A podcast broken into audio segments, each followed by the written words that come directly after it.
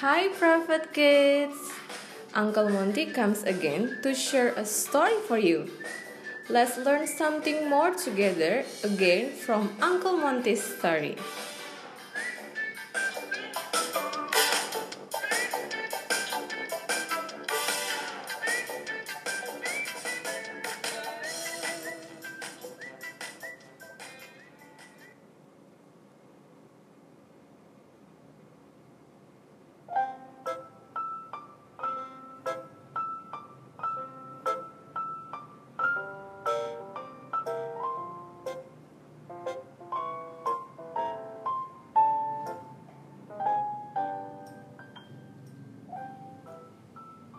One day, Molly the milkmaid had filled her pails with milk.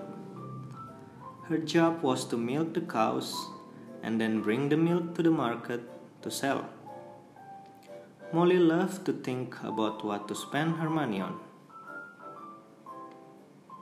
As she filled the pails with milk and went to market, she again thought of all the things she wanted to buy. As she walked along the road, she thought of buying a cake and a basket full of fresh strawberries. A little further down the road, she spotted a chicken.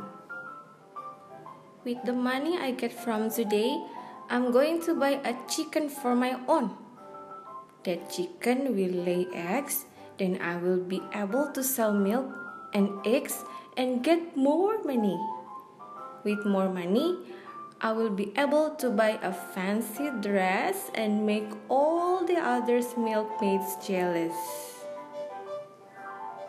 Out of excitement, Molly started skipping, forgetting about the milk in her pails. Soon, the milk started spilling over the edges, covering Molly. Oh no! I will never have enough money to buy a chicken now. She went home with her empty pails. Oh my goodness, what happened to you?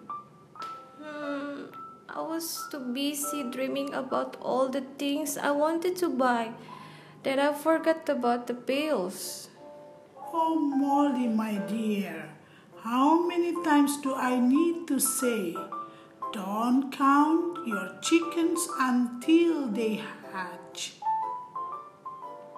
Prophet Kids, don't count your chicken before they hatch because sometimes the number of eggs are not necessarily the same as the number of eggs that will hatch.